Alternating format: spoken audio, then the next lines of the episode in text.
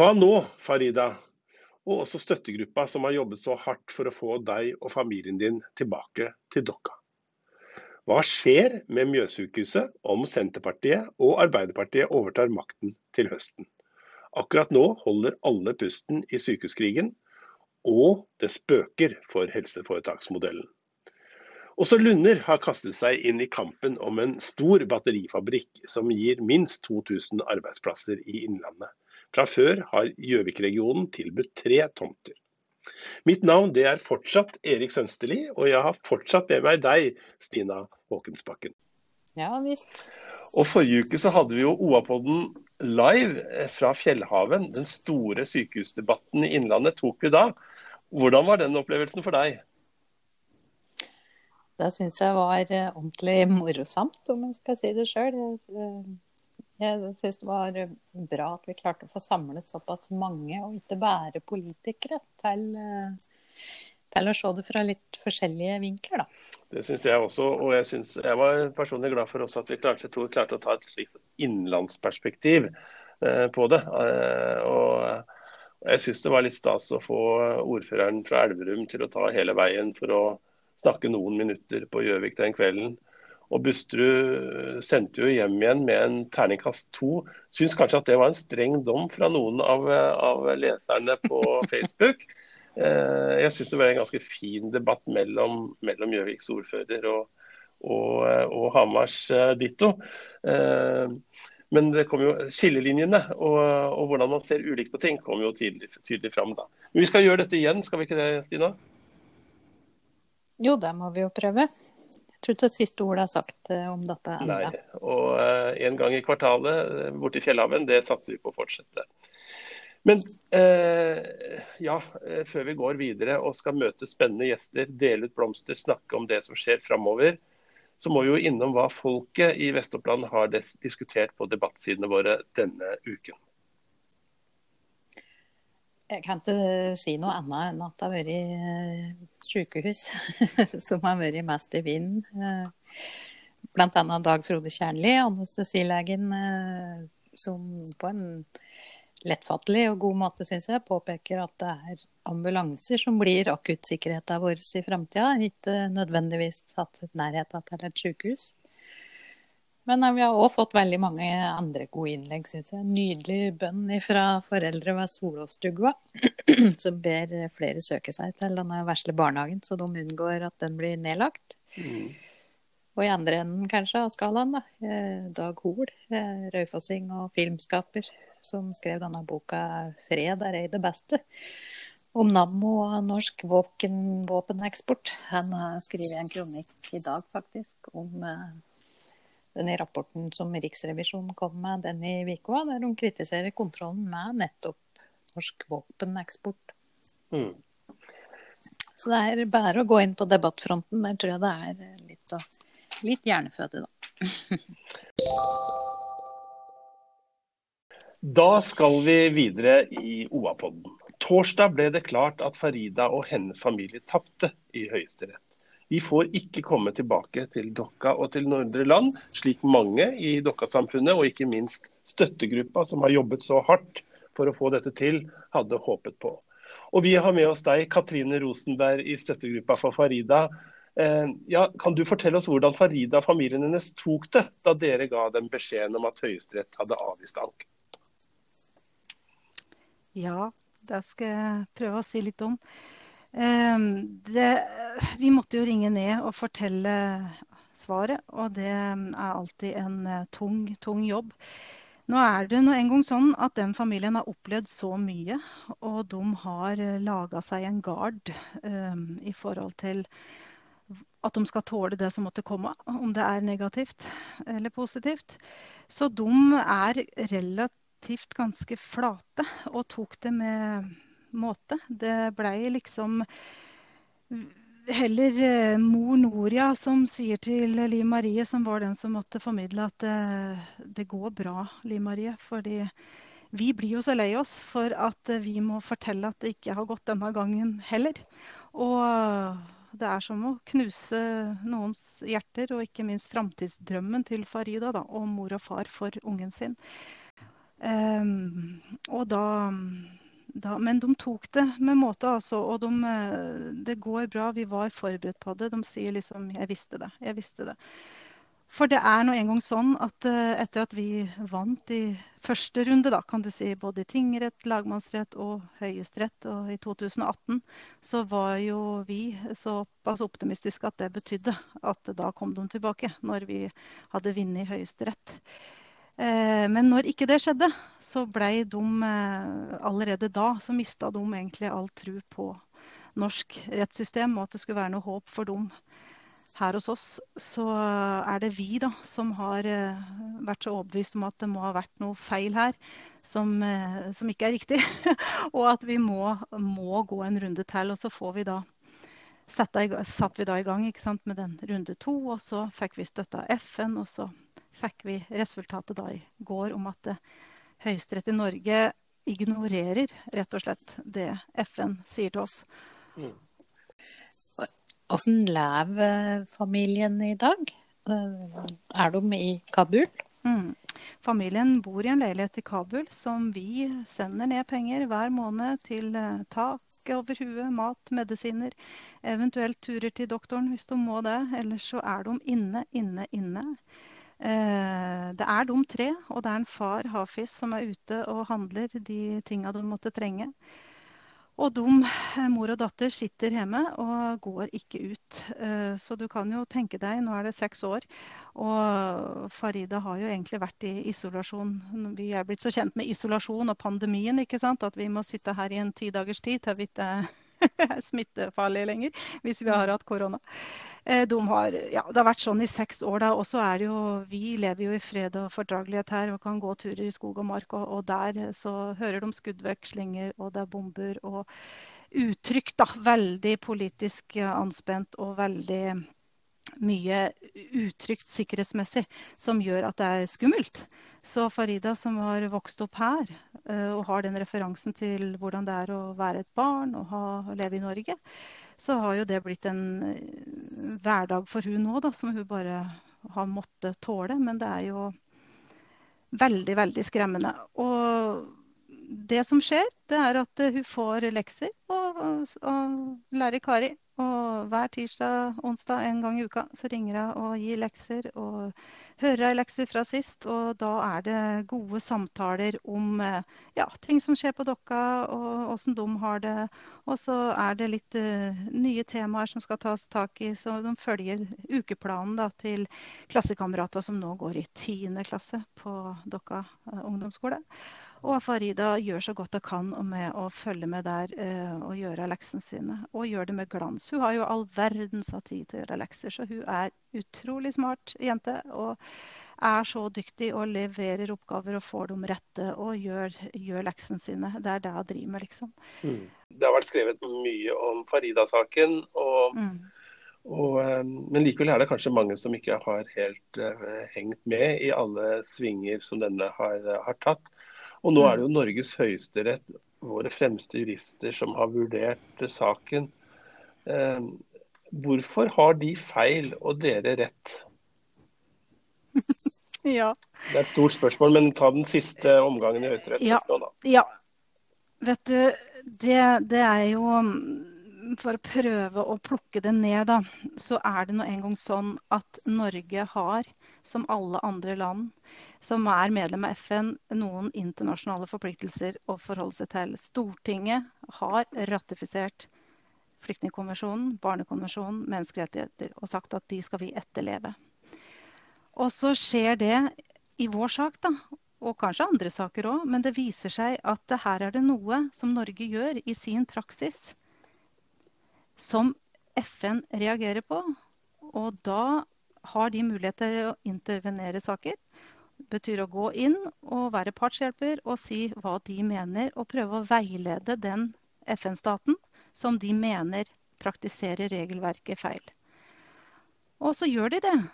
Og de gjør det til gangs. Det er ikke noe over natta-jobb, det. Det er en eh, juridisk komité i Genéve som har sittet sammen med mange jurister og utarbeida et tungt juridisk dokument som de kaller Amicus Curia, hvor de forklarer akkurat det som vår sak har dratt opp og med seg eh, opphørsreglene. Hvordan skal de tolkes og praktiseres? Og det er jo opphørsregler i forhold til flyktningkonvensjonen og folkeretten, men som vår utlendingslov er bygd under og i tråd med. Og så går de inn og forklarer dette her i det dokumentet. De forklarer det skriftlig. Og så erfarer vi da at både lagmannsretten og nå dessverre også Høyesterett ignorerer det arbeidet. Og det er nå engang sånn at det er folkeretten som bestemmer innholdet i de norske reglene om opphør. Mens norsk tolkning av flyktningkonvensjonen, det er ikke de som bestemmer innholdet av folkeretten. Det er tross alt vi som må underrette oss og etterleve det som folkeretten sier. Og når FN så tydelig går inn og sier at hei, hei, Norge, nå gjør dere feil. Vi veileder dere til å gjøre riktig og sier at her er sånn dere skal gjøre. Og så hører vi ikke på det. Og, og derfor, altså I mitt hue og i vårt hue så, så, så, er det liksom det der med at vi skal da vel rette oss etter FN. Når vi er med i FN, hvorfor er vi med da? Hvis vi kan sitte her på Haugen og gjøre akkurat som vi vil. Nå er vi inne i Sikkerhetsrådet. Vi har kjempa oss til en plass der fordi vi skal inn der og, og, og, passe på folkeretten. Vi skal passe på menneskerettigheter og at andre land følger dette her. Og så gjør vi det ikke sjøl i denne Farida-saken. Dere vil ta det videre? Ja, vet du, det er der vi står nå, da. Fordi vi har jo hele tida, som jeg sa i går, hatt vår lit da, til at eh, når vi får brakt det opp i Høyesterett, så klarer de å se dette her. Og de vet jo hva vi er forplikta til, og da tar de de riktige avgjørelsene. Hvis vi så har vært på ville veier nå de siste fire-fem åra med å praktisere feil. Eh, men så er det akkurat som de ikke har hørt det. Og de, tar, de hopper over den amicus curiaen og, og ignorerer det og lar det passere. Og der står vi nå. Og da er det Ja, hva kan vi gjøre da? Er det lov? Kan et hvilket som helst FN-land bare bestemme at vi gjør det sånn, vi? Vi hører ikke etter. Vi bare gjør det sånn, vi. Som vi vil. Uh, og da, Nå er vi i dialog med advokaten vår, og vi hadde jo tre advokater inne nå eh, overfor Høyesterett. Både NOAS hadde egen advokat, og UNHCR. Og de skal sette seg sammen nå i helga og diskutere dommen, analysere dommen og prøve å finne ut uh, veien videre, om det er noe retning vi kan dra dette her. Det er jo første som faller oss inn, det er jo Menneskerettighetsdomstolen. ikke sant? Men vi er ikke kompetente til å si om vi har noe sak noe å gjøre der med saken vår. Vi syns bare det er så merkelig at Norge kan få lov til å gjøre som de vil, og ikke i hensyn til når FN er så tydelig. Og det henger jo sammen med at FN har jo noe som heter veiledningsmandat ikke sant? til stater som gjør feil, så skal de gå inn og si at her For vi skal jo gjøre likt. Det er det som er hele poenget. Så undergraver man jo hele flyktningkonvensjonen og folkeretten. Og så har vi og alle andre FN-land vi har en lojalitetsplikt og vi har en samarbeidsplikt. Og hvor blir det av alt dette her, da? Og Norge skal jo være foregangsland eh, for å kjempe for disse menneskerettighetene og folkeretten. Og så har vi en sak da, hvor det bevises at vi gjør stikk i strid og lukker øra og øyer og gjør som vi vil. Det er derfor vi liksom eh, ikke kan si at vi bare må innfinne oss med dette og gi oss nå. Nå må vi høre hva de kloke herrer sier som har greie på dette. Og så må vi, er det noe å ta videre, så skal nå i hvert fall ikke det være uprøvd. For nå har vi gått så langt, og det virker fortsatt helt merkelig at man skal få lov til å drive sånn. Um, så da får vi bare ta det derfra. Kanskje vi veit mer til uka. Mm. Men den avgjørelsen i går eh, Vi fikk jo en kommentar fra UNE som, eh, mm. som, da ser det som en bekreftelse på at eh, sånn kan vi bare fortsette. Mm. mm. Hva tenker du det kan bety? Og det betyr at hvis det en, en eh, asylsøker har fått opphold pga. at den har eh, religiøse eller etniske problemer, sånn at den har krav på beskyttelse, og så har han fått det, da. Og så går det bare en stund, og så blir det litt roligere en del av det landet som han er ifra, men som han ikke kunne sendes tilbake til i utgangspunktet. Som han har flykta fra fordi han har problemer. Og så kan man bare si at nei, men selv om du er forfulgt og du har, du har, problemer, så kan du bare reise til en annen del av landet. For nå er det litt tryggere der, så nå sender vi deg dit isteden. Og da som det ble anført i retten, da trenger man ikke disse opphørsbestemmelsene som Flyktningkonvensjonen har laga. Fordi da kan man bare ta fra noen den oppholdstillatelsen de en gang fikk, pga. at nå er det litt roligere i et annet del av landet ditt, og da kan du sendes på internflukt. Hvordan blir det da? Da blir det sånn at uh, hvem som helst, da, alle land i Europa som har gitt asylsøkere uh, opphold for ulike grunner, de kan bare ta fra dem det, for nå har vi lov til å bruke internfluktalternativet som en opphørsgrunn. Og da kan vi bare sende tilbake. Så får eh, kanskje stakkars eh, en region i eh, Afghanistan som har blitt litt roligere, de får bare returnert hundretusenvis av, av asylsøkere som på en måte har Eller av flyktninger da, som de får til, returnert tilbake. Som ikke lenger har lov til å være i det landet de utgangspunktet fikk beskyttelse i, fordi nå er det litt roligere i Nord-Afghanistan. Så da kan vi sende dem dit. Åssen blir det med den regionen da, tro? Blir det liv laga å komme tilbake dit for så mange? Det blir helt katastrofalt. Hun klarer ikke å organisere det. Si litt om engasjementet i Dokka-samfunnet for nå. fordi eh, Er liksom piffen gått ut, eller og hvor mange er dere? Hvordan får dere inn penger? Hva har mm. dette kosta? Eh, ja. Klarer du å si noe om dette kort? Ja, det, vi har i hvert fall aldri hatt problemer med å få inn eh, noen kroner når vi har bedt om at dette, nå trenger vi penger til saken. Om det har vært type pant flaskene dine på Rema og på Spar og putt pantelappen din i Farida-postkassa som henger ved siden av panteautomaten. Det har liksom folk gjort i fem-seks år nå. Og der får vi inn penger hver eneste måned som vi kan bruke til å sende nedover. Vi har solgt type armebånd og reflekser og Farida, gi oss Farida tilbake-logoen på. Og vi har hatt spleis og innsamlingsaksjoner når vi har trengt penger til saken. da, Eller hvis det har vært noe ekstra der nede, så det har gått med mer penger. Og det har liksom aldri vært noe problem å få inn, fordi den saken har, her har fenga. Og så lenge den har vært eh, Vi har hatt noe å melde, for den har vært gående i rettssystemet, og vi har venta på avklaringer, så har i hvert fall folk villig gitt penger er jo litt spent på om det vil fortsette nå, eller om folk syns at nå, nå, får vi slappe av, for nå er det siste ord sagt, og nå får vi på en måte gi oss.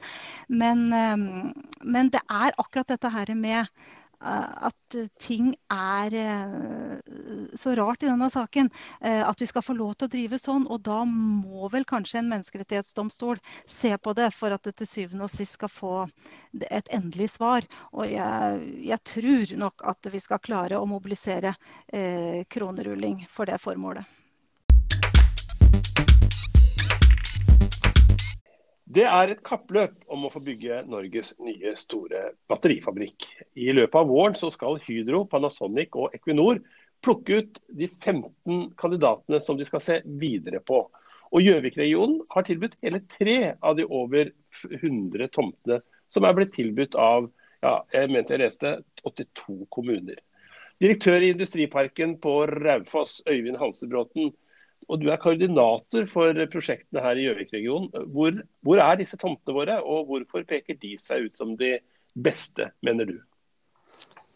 Ja, vi har eh, plukka ut tre tomter i et samarbeid mellom de fem kommunene i Gjøvik-regionen og Raufoss industripark. Vi har fulgt kravspekken som Panasonic, Equinor og Hydro har stilt, og har gjort en vurdering av kart og terreng og sett hvor vi mener det kan egne seg best.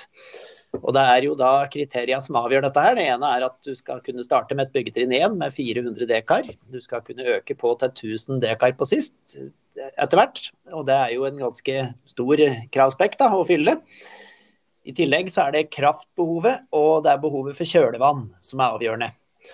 Så vi har valgt å legge tomtene våre i nærheten av kraftige høyspentlinjer med god kapasitet. Og dermed så har vi landa ned på Kraviskogen ute på Lena, Østre Toten. Vi har landa ned på Bjugstadmarka i Gjøvik, i retning mellom Hunndalen og Breiskallen. Og på Hasvollseter i Søndre Land oppe på Vardalsåsen. Mm. Eh, vi har sett at dette er et sånt kappløp, eh, sier de, om, om eh, batterimarkedet i Europa. Hva slags batterier er det egentlig det er så behov for? Er det bilbatterier å bære da, eller hva er det liksom dette behovet kommer ifra? Ja, nå er det en ganske ny samarbeidskonstellasjon her med Panasonic, som jo er veldig store på batteriteknologi og har bygd Tesla sin fabrikk i Nevada-ørkenen i USA, er kjent for det. Det er Hydro som har veldig god erfaring på industri i Norge. Og det er Equinor, som er et energiselskap som ønsker andre bein å stå på enn olje og gass framover. Disse inngikk en avtale i november og jobber nå med å tråle det europeiske markedet og finne ut av hvilke typer produkter er det de bør innrette seg mot. Men i hovedsak så vil jeg tro at det er elbilmarkedet man sikter seg inn på i starten. Hvem tror du er de sterkeste konkurrentene, Hanse Bråten? Jeg så Lunder også kasta seg på i kampen her nå nylig. Ja, det er jo litt spennende å gjøre en analyse av det. Vi har ingen samla oversikt over hvem disse 82 kommunene er. Eh, det er opp til hver enkelt om man går ut og markedsfører seg åpent, eller om man vil eh, ligge litt på været. Eh, og mm, dermed så er vi ikke helt sikre på hvem som er med på dette her. Men vi tror nok at de store industrimiljøene i Norge er de som står sterkest. Det skal fylles opp med inntil 2000 ansatte her i fabrikken når den er ferdig utbygd. Og det er klart at det å ha et rekrutteringsgrunnlag til å fylle opp med så mange kompetente arbeidere, det er det ikke mange regioner som har. Mm. Men du har sagt at sånn indirekte så kan denne etableringa ha betydning for så mange som 6000 arbeidsplasser? Det er riktig. Vi regner med på en industriarbeidsplass at den kan ha en ringvirkningseffekt på tre til fire arbeidsplasser. Sånn er det for Raufossparken i dag i regionen vår. Det vil si at det er servicebedrifter, underleverandører osv. osv. som eh, drar nytte av de industriarbeidsplassene som ligger der, og som skaper eksportinntekter. Du, jeg tenkte på eh, her, eh, her kan man vel anta at det er sterke politiske krefter i sving òg, i tillegg til at man må eh, ha, ja, ha gode rådgivere og ja, rett og slett drive lobbyisme for å utnytte denne muligheten? Eller er det bare slik at nå sender dere søknaden og så krysser dere fingra på at dere får, eh, Nei, du kan si Starten på prosessen for vår del er at vi prøver jo å følge med i Industriparken på hva som kan være aktuell utvikling i næringslivet som kan passe inn i vårt miljø. Vi hadde tidlig i høst en dialog her med Sintef Manufacturing, med NTNU på Gjøvik og med Intec Engineering, som har vært ute og levert utstyr og automasjon til batterifabrikker tidligere.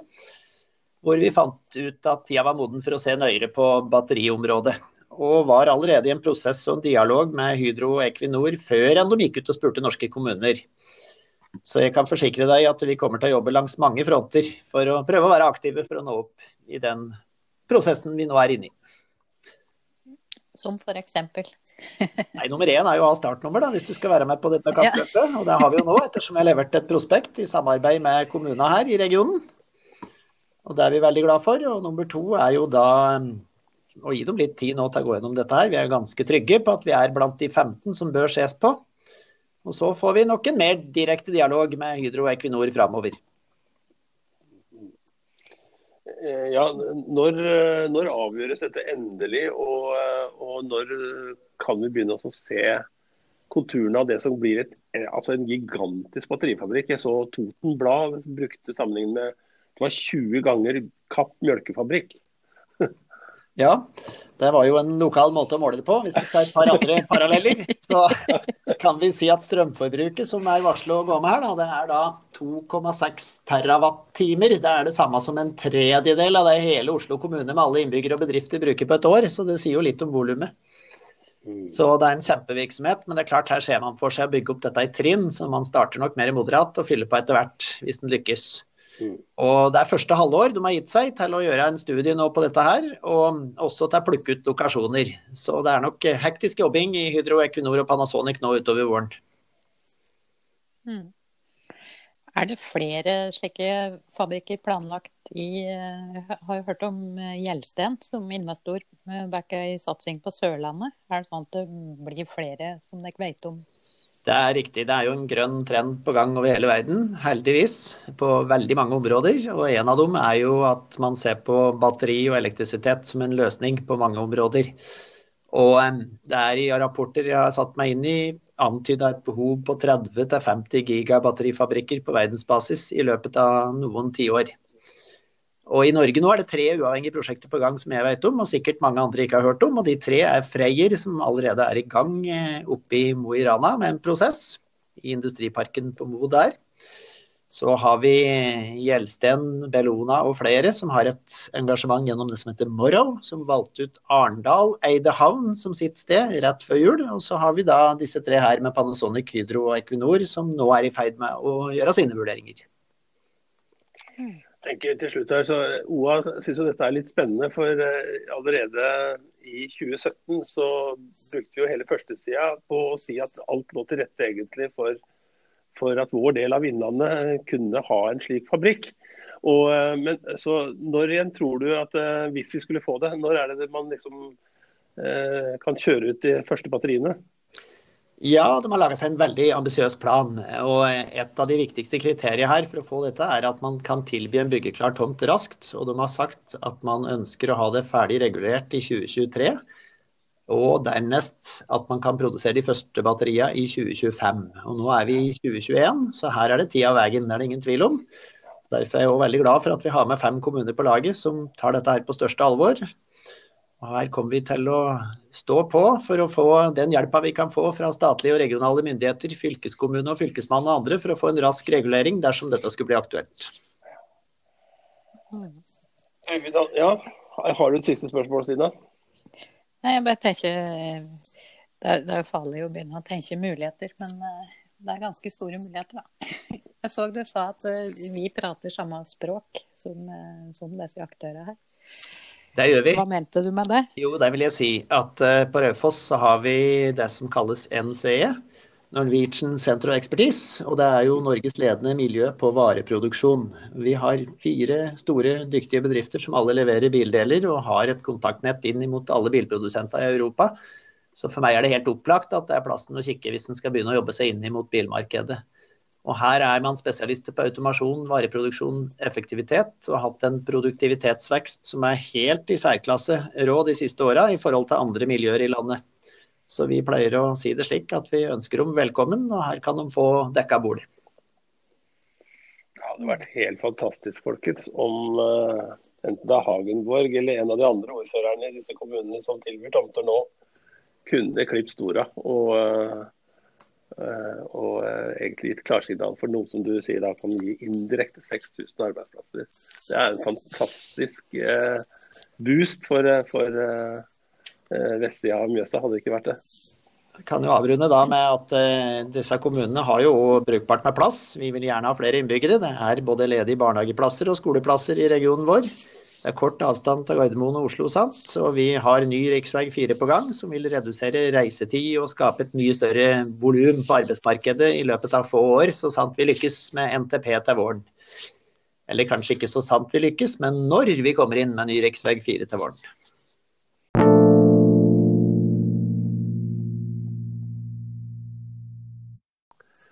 Hva skjer med Mjøssykehuset og sykehusplanene i Innlandet om Senterpartiet og Arbeiderpartiet overtar makten til høsten? Senterpartiets Kjersti Toppe slo i Nasjonen fast nylig at det ikke er aktuelt for Senterpartiet å sitte i en regjering som viderefører dagens sykehuspolitikk. Og I Klassekampen så heter det at helseforetaksmodellen den blir muligens et betydelig stridstema på Aps landsmøte. Og Det skjer bl.a. etter at Østre Toten Ap vedtok på sitt årsmøte å avvikle hele modellen. Guri Bråten, hvorfor mener dere at det er nødvendig å skrote hele, hele Nei, Vi mener at uh, vi har vel sett det rundt om i hele Norge at denne modellen er uh, basert på uh, ja, på økonomi og ikke på pasientens ve og vel. og Det syns vi er bekymringsfullt. Vi ser en uh, veldig dårlig sykehusøkonomi. og Det er blitt en stor uh, byråkratisering av uh, dagens sykehusstruktur. og Vi syns òg at det er dårlig politisk styring, sånn at det blir veldig lite demokratisk styrt da, dagens sykehusstruktur. Men er det eh, sånn i det daglige? Fungerer det i det daglige? Er det bare når det er disse her store eh, lokaliseringsspørsmåla og struktur og alt dette her virkelig store? Er det da han ser det er mangler på politisk eh, påvirkning? Nei, jo, du kan si ja og, og nei, tror jeg. Men jeg tror du kan si det daglig. Så, så syns vi jo at på en måte fokuset rundt eh, økonomi det overtar um, størsteparten av spalteplassen. Og jeg syns fokuset på pasientbehandling blir liksom nedtone. Og det syns jeg, synes jeg vi ser uh, ukentlig i, i, forskjellige oppslag. Har, har det jo gått ganske mange år. og vi må jo si at Arbeiderpartiet har, eh, har jo ikke kommet med noen, noen, løsninger. Har jo sagt at eh, det, fungerer ikke så bra, og vi må finne på noe annet. Men så, så er det liksom eh, stoppet der. Tror du at hvis dette blir en sak nå på landsmøtet, at det, det blir eh, framgang i å få gjort noe med det systemet vi har i dag?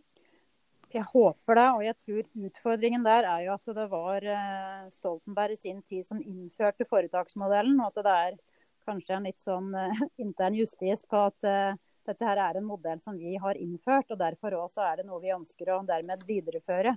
Men jeg tror av og til så er det også klokt å erkjenne at modellen, når den ble innført, så var intensjonen god. Og så ser vi nå i praksis at dette fungerer faktisk ikke så bra. Og det er, er klokt å tenke nytt. Og jeg håper at uh, vi kan uh, samles i egne rekker om, uh, om den grunntanken ved å, å, stadfeste at foretaksmodellen er utgått på dato. Vi ønsker oss en ny modell som er mer, mer demokratisk styrt, og som er, har mindre byråkrati, og som, som setter pasienten mer i fokus.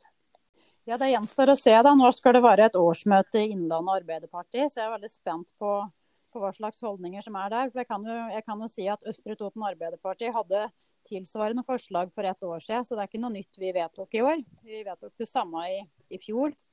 Eh, men vi føler det fortsatt har forsterket seg i forhold til eh, utfordringa med Mjøssykehusstrukturen, kan du si. Så vi gjentar det samme nå. For vi hadde jo et, eh, et vedtak i fjor i Innlandet Arbeiderparti som sier at, at vi bør endre på foretaksmodellen. Men det sier ikke at den skal på en måte fjernes, sånn som vi mener da, at vi skal tenke litt nytt. Mm. Så jeg håper at det kanskje har modnes litt i Innlandet. Det, det vil jo tiden vise. Jeg sitter sjøl i redaksjonskomiteen eh, som skal være med å utarbeide forslaget inn til årsmøtet.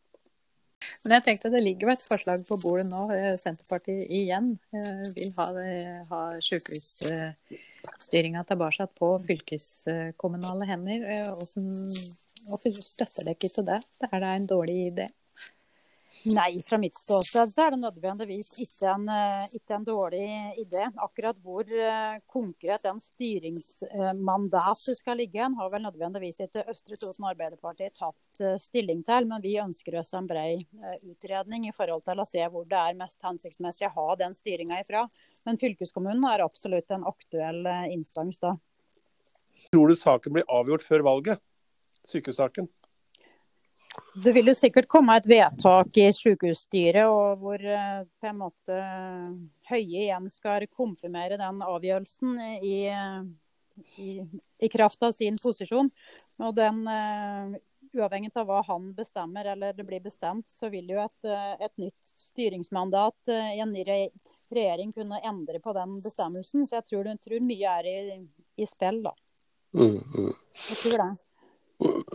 Hvis du og jeg skulle vedda ei sjokoladeplate da på hvor, hvor, hvor, tror du eh, sykehus Hvordan tror du sykehusløsningen er, eh, er jula 2022?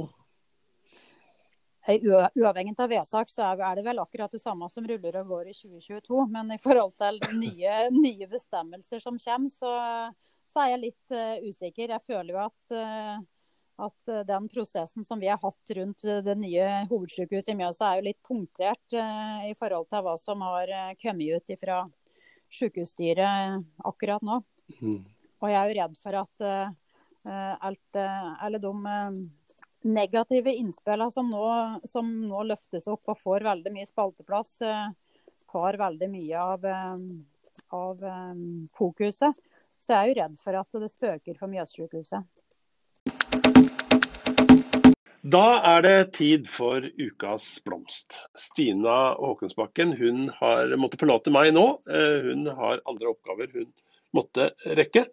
Men eh, jeg skal nå iallfall på vegne av henne eh, og meg få dele ut en blomst til Stefan Løvsletten, kommuneoverlegen i Nordre Land, som selv ble smittet av korona og så sjuk at han var innlagt på intensiven på Gjøvik sykehus.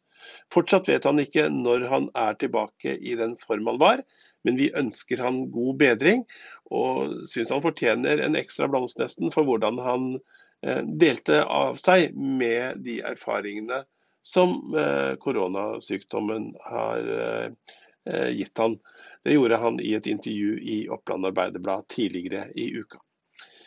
Så skal vi også sende av gårde en digital blomst til feierne på Østre Toten, som har måttet bite i det sure eplet og starte feiing av samtlige piper på Østre Toten.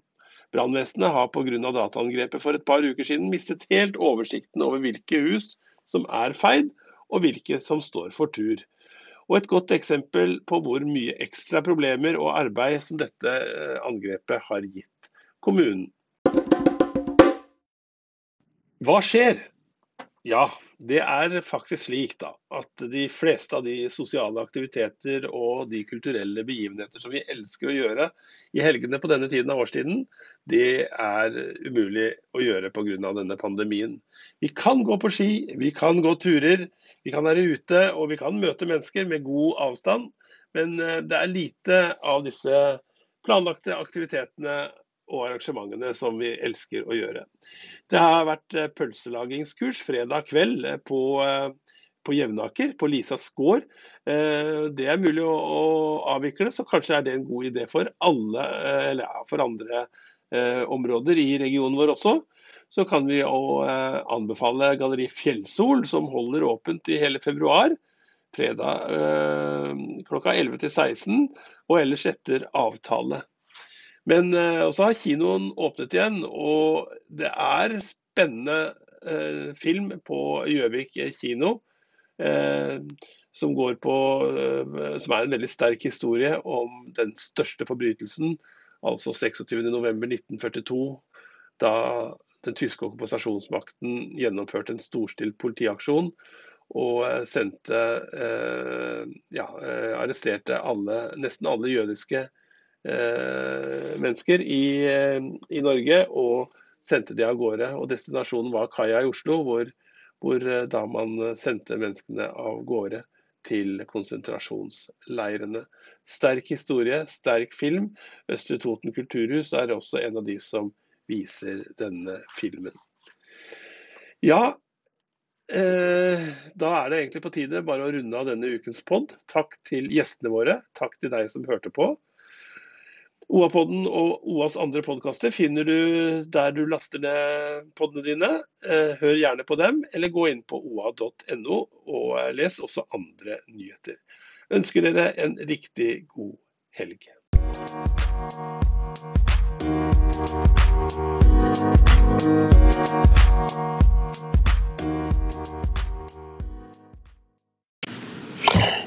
En VG-kronikk denne uken tar 65 østlandskommuner til orde for å endre vaksinestrategien. Oslo-regionen krever at regjeringen legger om kursen og sørger for mer vaksiner, mer penger og mer grensekontroll for å sikre de mest smitterammede områdene, innledes kronikken. Og var signert av 65 kommuner, frontet av byrådsleder Raymond Johansen i Oslo. og de, kommunene, de tre kommunene på Hadeland og Gjøvik-regionen. Hvordan hadde det seg?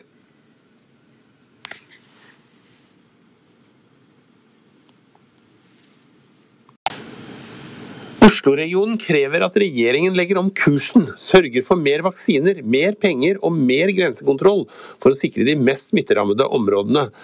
Slik innledes en VG-kronikk denne uken. Den var signert av 65 østlandskommuner, frontet av byrådsleder Raymond Johansen i Oslo. Men på listen så sto det også at eh, de tre kommunene på Hadeland og hele Gjøvik-regionen hadde, eh, hadde signert. Vi lar ordet igjen gå til eh, en gjest tidligere i programmet, Bror Helgestad fra Østre Toten. Jeg siterer uh, fra vedtektene til en klubb i Obos-ligaen. Der står det Raufoss fotball skal være en åpen klubb. Alt vi gjør, skal tåle dagens lys. det er jo sånn nå i fotballen at uh, topplaga har fått lov til å gjennomføre fem treningskamper før seriestart. I henhold til koronareglementet og sånn. Eh, på tirsdag ryktes det, eller i hvert fall tidligere i uken ryktes det at Eidsvoll Turn gjennom... Nei, ja. Eh, Raufoss fotball gjennomførte en treningskamp mot Eidsvoll Turn eh, på Raufoss med dommer og to eh, assistentdommere. En kamp Eidsvoll Turn for øvrig vant 2-0. Eh, denne kampen eh, sies det at eh, spesielt Raufoss er veldig interessert i at det ikke skal bli kjent. Og det stusser jeg jo litt på. For da virker det som Raufoss prøver å få gjennomført noen treningskamper mer enn de har lov til. Eh, men eh, Og det vil jo kanskje gi dem en fordel da, til seriestart. Eh, I tillegg så er det vel sånn at eh, toppklubbene Ole Martin, her må du arrestere meg, sånn at dere fikk lov til å spille treningskamper fra 17., er det så? Uh, Toppklubbene fikk beskjed om at det var 17. 17. februar fra og med 17. februar. Men så står det jo uh, Har det blitt skrevet en 16. i protokollen, så sånn sett så, så er vel for så vidt datoen innafor. Men toppklubbene fikk, har fått beskjed om 17. Mm. Men hva tenker du? Altså, vi hadde jo en situasjon med Bærum i fjor som tok seg litt til rette. Hva syns du om Raufoss sin oppførsel her?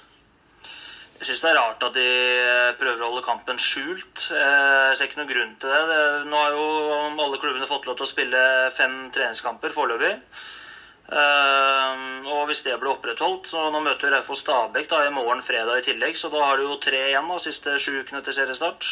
Så hvis de vil legge, legge opp oppkjøringa si sånn, så må de få lov til det. Men jeg regner med at de som alle andre forholder seg til at det per nå er maks fem, og da er det fem som er planlagt. og så og så ja, får vi bare stole på, at de, stole på at de gjør det. Og så syns jeg det er fint at det kommer fram at man har spilt kamp, da. For det, det er greit å vite om det. Vi har jo, vi har jo Raufoss i første runde òg. Jeg har ikke lyst til å stå i en situasjon da at vi har spilt fem kamper på sjuker, og de har spilt åtte. Så jeg syns det er fint at det kommer fram. Og så regner jeg med at de da tenker at de skal spille tre kamper de siste sju ukene. Jørgen, du er ikke Hva syns du om denne regelen om, om fem kamper før, før seriestart? Nei, jeg synes altså sånn, Hvis du bare tar det, så syns jeg jo det er litt snodig. Eh, men det er jo litt sånn Det handler vel om at fotballen på en måte må føye seg litt da, for å føle at de får gjennomslag hos myndighetene og ikke kreve for mye, for da kan på en måte strikken rykke sitt, og du får nei til alt istedenfor at du får lov til tross alt det viktigste. Men eh, liksom at det skal at fem kamper på sju uker istedenfor sju kamper på sju uker. At det liksom er der slaget skal stå, da. Det, det, er jo ikke helt lett å skjønne. Men nå er jo det regelen eh, per nå, og da må jo Raufoss åpenbart følge det som alle andre. Så eh, Og det er, litt, det er jo litt snodig. liksom Jeg ser, titta da Per nå på hjemmesida dem så står det jo at de har igjen seks matcher til eh, som skal spilles. Nå er det jo mye endringer hele tida der, da. Men uh, det vil jo si at uh, uansett om denne kampen mot turen hadde blitt liksom holdt skjult for uh, offentligheten, så hadde de fortsatt vært én i overtall per akkurat nå. Men det kan jo være en hjemmeside som ikke er 100% oppdatert. Men de har jo satt avlyst ved siden av ganske mange matcher der òg, så litt oppdatert er det nå. Og det står at den ble oppdatert senest 16. i andre, så, så ja. Interessant. Ja, vi får følge med. Det ryktes at det kommer et eller annet oppslag i lokalavisa deres, uh, Jørgen og Ole Martin, uh, om, uh, i løpet av de nærmeste dagene. Får vi, får vi se. det kan jo virke som litt sånn, hva skal vi si, storm i et vannglass. At man prøver å holde en kamp skjult osv. Men det er jo, som du sier da, Martin, det er jo et potensielt konkurransefortrinn. Så hvis folk holder på med det, så kan de jo plutselig Altså Hvis man holder fem kamper skjult, da, så kan man spille ti kamper da, før de møter dere i første seriekamp. Det har ganske mye å si. Ja, det kan gjøre det også. Men hovedpoenget her er jo at eh, jeg tror, tror, de aller fleste i norsk eh, toppfotball syns at det er litt rart at det bare er maks fem. Men eh, nå skal jo fortsatt vi være ganske glad for at du får lov til å holde på med dette, her, for det er mange andre bransjer som er stengt ned. Og så er man jo, akkurat som i fjor, så handler det om solidaritet. Kommer det en regel, så følger vi den. Og så var det noen unntak i fjor, og så blir det sikkert noen unntak i år. Men, Men akkurat den regelen der syns jeg er ganske enkel å følge. Hvis alle lagene får lov til å spille fem kamper, så får du legge opp de fem kampene som du vil sjøl, men da er det likt for alle. Da er det fem kamper som gjelder. Det er ikke noe, det er ikke noe verre enn det. Og det, akkurat den regelen der er jo helt unødvendig å begynne å jukse på hvis noen begynner med det. Uh, da får man heller Jeg veit at det er klubber også som liksom ikke er så nøye med avstand i garderober og sånn, og det, det, får heller være, liksom. Men akkurat denne kampregelen bør være enkel å forholde seg til, syns jeg. Så får man synes den er rar og at regelen er teit og alt sånt, men det skal ikke være så vanskelig.